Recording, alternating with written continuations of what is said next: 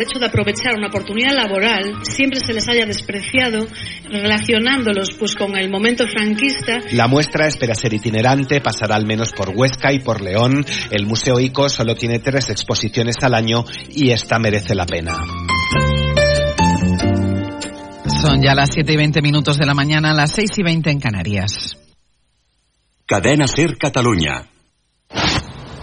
Allà on vagis, Ser Catalunya t'acompanya. Escolta Ser Catalunya en directe des de qualsevol lloc. Som a la barra de bar amb la Núria Casas. Amb l'aplicació de la cadena Ser. Som a tot arreu. Som al teu costat. Descarrega't l'app de la Ser, cadena Ser. I busca Ser Catalunya. Ser Catalunya.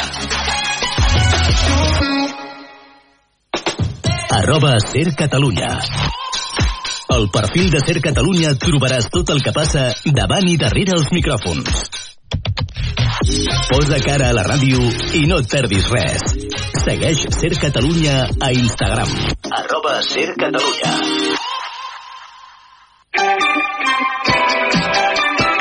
Ser Catalunya. La força de la conversa.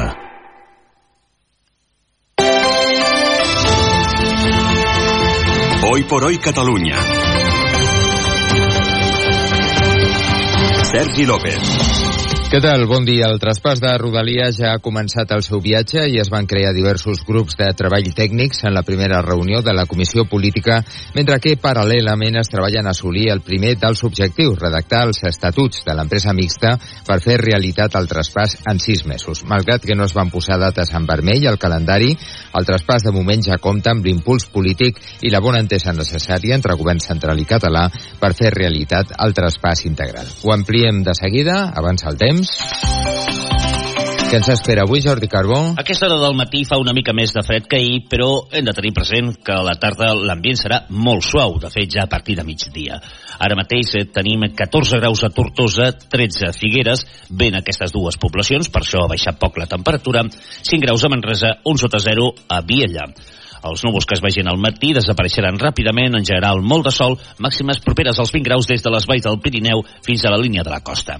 Demà molts núvols, temperatures encara altes, a partir de dijous vent molt fort. Divendres, alguns xàfecs al nord de Catalunya i temperatures clarament més baixes. Anem ara amb el trànsit. Alex Huguet, RAC, bon dia. Molt bon dia. Hi ha dues incidències a la xarxa viària. Des d'ahir que només hi ha un carril obert a l'AP7 en sentit sud a Montroig del Camp mentre es neteja la via per un accident i no ometem complicacions a les rondes avui per una incidència en sentit sud a la B20 a l'altura de Sant Gervasi que provoca ja 9 quilòmetres de congestió ben bé des de Roquetes i al Nus de la Trinitat i es talla un carril a la resta de carreteres. Es va intensificant cada cop més el tram de l'A2 entre Sant Vicenç dels Horts i Cornellà en sentit est, passant per l'enllaç amb la B23 on hi ha més de 3 quilòmetres de cues, així com l'accés a les rondes des de la C58 amb 2 quilòmetres més i a la ronda litoral ja comencen a força pel tram habitual en sentit sud des del Nus del Besòs. És tot des del RAC. Molt bon dia. Bon dia i gràcies, Àlex. I us expliquem també que ja en marxa un dispositiu policial dels Mossos contra diverses bandes criminals acusades de tràfic de drogues. Arnau Baquer, bon dia. Molt bon dia, Sergi. Sí, eh, trafiquen sobretot amb marihuana i haixix. Els escorcolls es concentren majoritàriament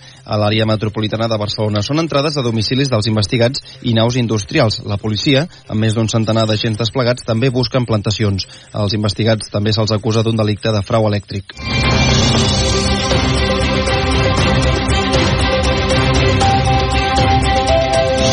Ministeri i Generalitat asseguren que estan decidits a tirar endavant el traspàs de Rodalies. Segons va dir el ministre de Transports, Òscar Puente, no estan aquí per marejar la perdiu. Sí, així de contundent es va mostrar Puente, sinònim d'una voluntat política per arribar a una bona entesa pel traspàs del servei quan abans sigui possible. De moment ja han constituït sis grups de treball per, per concretar la, creator, la creació de la nova empresa pública que ha d'operar el servei, la transferència de diners i d'infraestructura. Els estatuts de la nova empresa estaran llestos al setembre. Més detalls amb la Mònica. Peinado. El ministre Oscar Puente ha asegurat que hi ha voluntat real que el traspàs tiri endavant. No estamos aquí para marear la perdiz. Vamos a hacerlo lo lo antes que sea posible. La consellera Esther Capella coincideix amb el ministre i reconeix que es tracta d'un procés complex. Eh, hi ha coses que es poden encallar.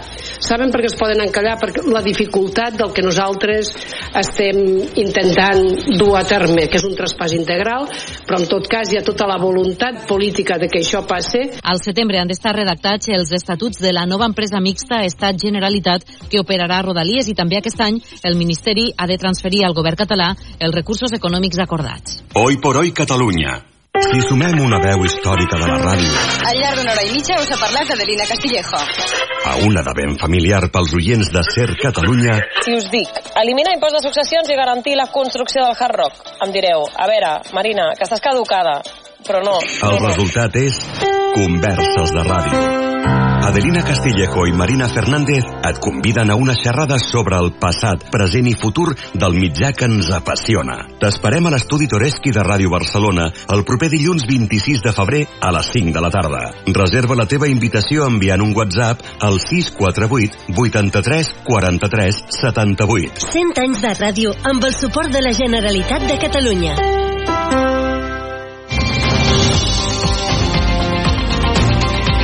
L'any passat, a la ciutat de Barcelona es van cometre un 8% més de delictes que l'any anterior i un de cada dos delictes denunciats va ser un robatori. De cada 10 d'aquests eh, delictes, 4 van ser al carrer, 3 en establiments comercials i 2 al transport públic. I molts van ser comesos per lladres multireincidents. De fet, la policia ha detectat uns 520 individus als quals els imputen, atenció, més de 6.000 fets. A tots ells es referia el tinent d'alcalde de Seguretat, Albert Batlle, que explicava que cal fer canvis per perseguir millor aquest tipus de delinqüents. els representants de la Judicatura de la Fiscalia els que han sigut més persistents en aquesta demanda d'instruments.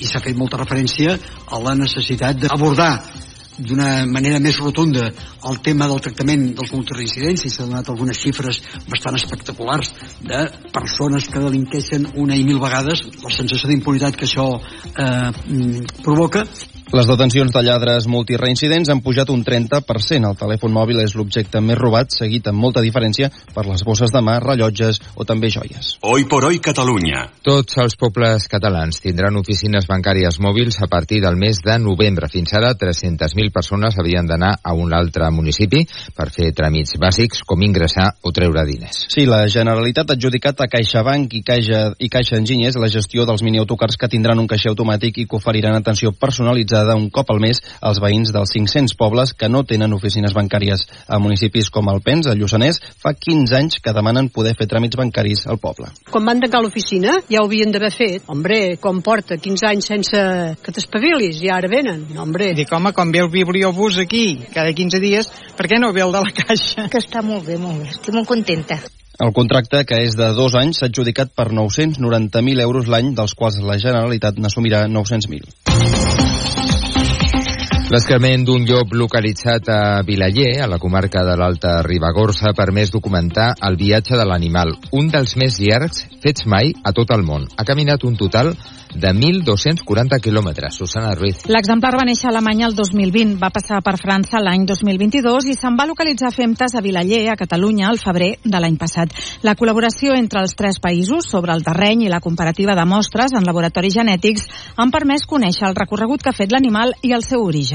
Tots els llocs que hem detectat fins a dia d'avui a Catalunya genèticament tenen aquest origen alpí i aquest seria el primer lloc d'origen centroeuropeu que s'ha detectat no només a Catalunya sinó que també seria la península ibèrica. Seria el, el primer lloc d'un origen centroeuropeu que s'ha que s'ha detectat aquí. Gabriel Lampreave és coordinador del seguiment del llop i de l'os dels agents rurals. Més coses. USTEC i la Intersindical demanen a Educació que aturi el procés de reordenació de l'oferta de formació professional i que abans de moure alumnes d'un centre a un altre parli amb els afectats. El personal de quatre instituts, tres de Barcelona, un de Santa Coloma de Gramenet, han convocat una concentració demà a la tarda a la plaça Urquinaona. Són els instituts de Vall d'Hebron, Guinaueta, Picasso i la Bastida, tots quatre afectats pel pla que ja fa temps que s'està aplicant per crear instituts singulars que agrupin en un sol centre diferents cicles de la mateixa família professional. Des de l'USTEC es queixen que els canvis s'estan dissenyant als despatxos sense parlar amb els afectats.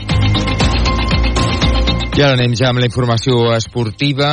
En futbol, els errors van passar factura ahir al Girona, que va perdre per 3 gols a 2 davant l'Atlètic de Bilbao. Nil Solà. El Girona va caure per 3 gols a 2 ahir a la nit a Sant Mamés davant de l'Atlètic Club, un partit marcat pels errors individuals, el primer gol culpa de l'Eix Garcia i el segon i el tercer de Miguel Gutiérrez, l'equip de Michel ho va intentar fins al final, de fet va tenir fins i tot oportunitats per poder empatar el partit tot i haver-se posat 3 a 1 per sota el marcador, segona derrota consecutiva dels de Michel a la Lliga, tercera de tota la temporada, això fa que els Girona es quedi a 6 punts del Real Madrid, que ara mateix és el líder i amb un marge de 7, el més baix de les últimes 12 jornades respecte al cinquè, que és l'Atlètic de Bilbao. Tot i això, Michel, després del partit, estava convençut que l'equip lluitarà per la Champions. No cal oblidar que el Girona està fent una magnífica temporada malgrat aquestes dues derrotes consecutives i el Barça viatja avui a Nàpols demà jugar partit de la Champions. Arribem a dos quarts de vuit. Son las siete y media, las seis y media en Canarias. Hoy por hoy, con Ángeles Barceló. Hace unos días, un joven de 28 años fue acribillado a balazos en Alicante. Dice la inteligencia ucraniana que ese hombre era en realidad un soldado ruso que desertó del ejército de Putin y que huyó a Ucrania pilotando un helicóptero del ejército. Se investiga ahora si ese hombre, del que la Guardia Civil confirma que fue acribillado en la Vila Soyosa y que tenía una identidad falsa, era en realidad este capitán desertor que habría escapado de Rusia con información confidencial de su ejército. Nos va a contar la historia Pablo Morán. Buenos días. Buenos días. La Guardia Civil investiga la identidad real de este ucraniano asesinado a tiros la semana pasada en la localidad alicantina de Villajoyosa. La prensa local llegó a informar sobre el crimen sin desvelar el nombre de la víctima. Los investigadores descubrieron poco después de que se presentaba con identidad falsa, según las fuentes consultadas por la SER. Ahora, un alto mando de la inteligencia ucraniana ha asegurado que ese hombre tiroteado es Maxim Kuzminov, de 28 años, capitán de la Fuerza Aérea Rusa hasta el pasado mes de agosto, cuando desertó y participó en una operación militar para llevar a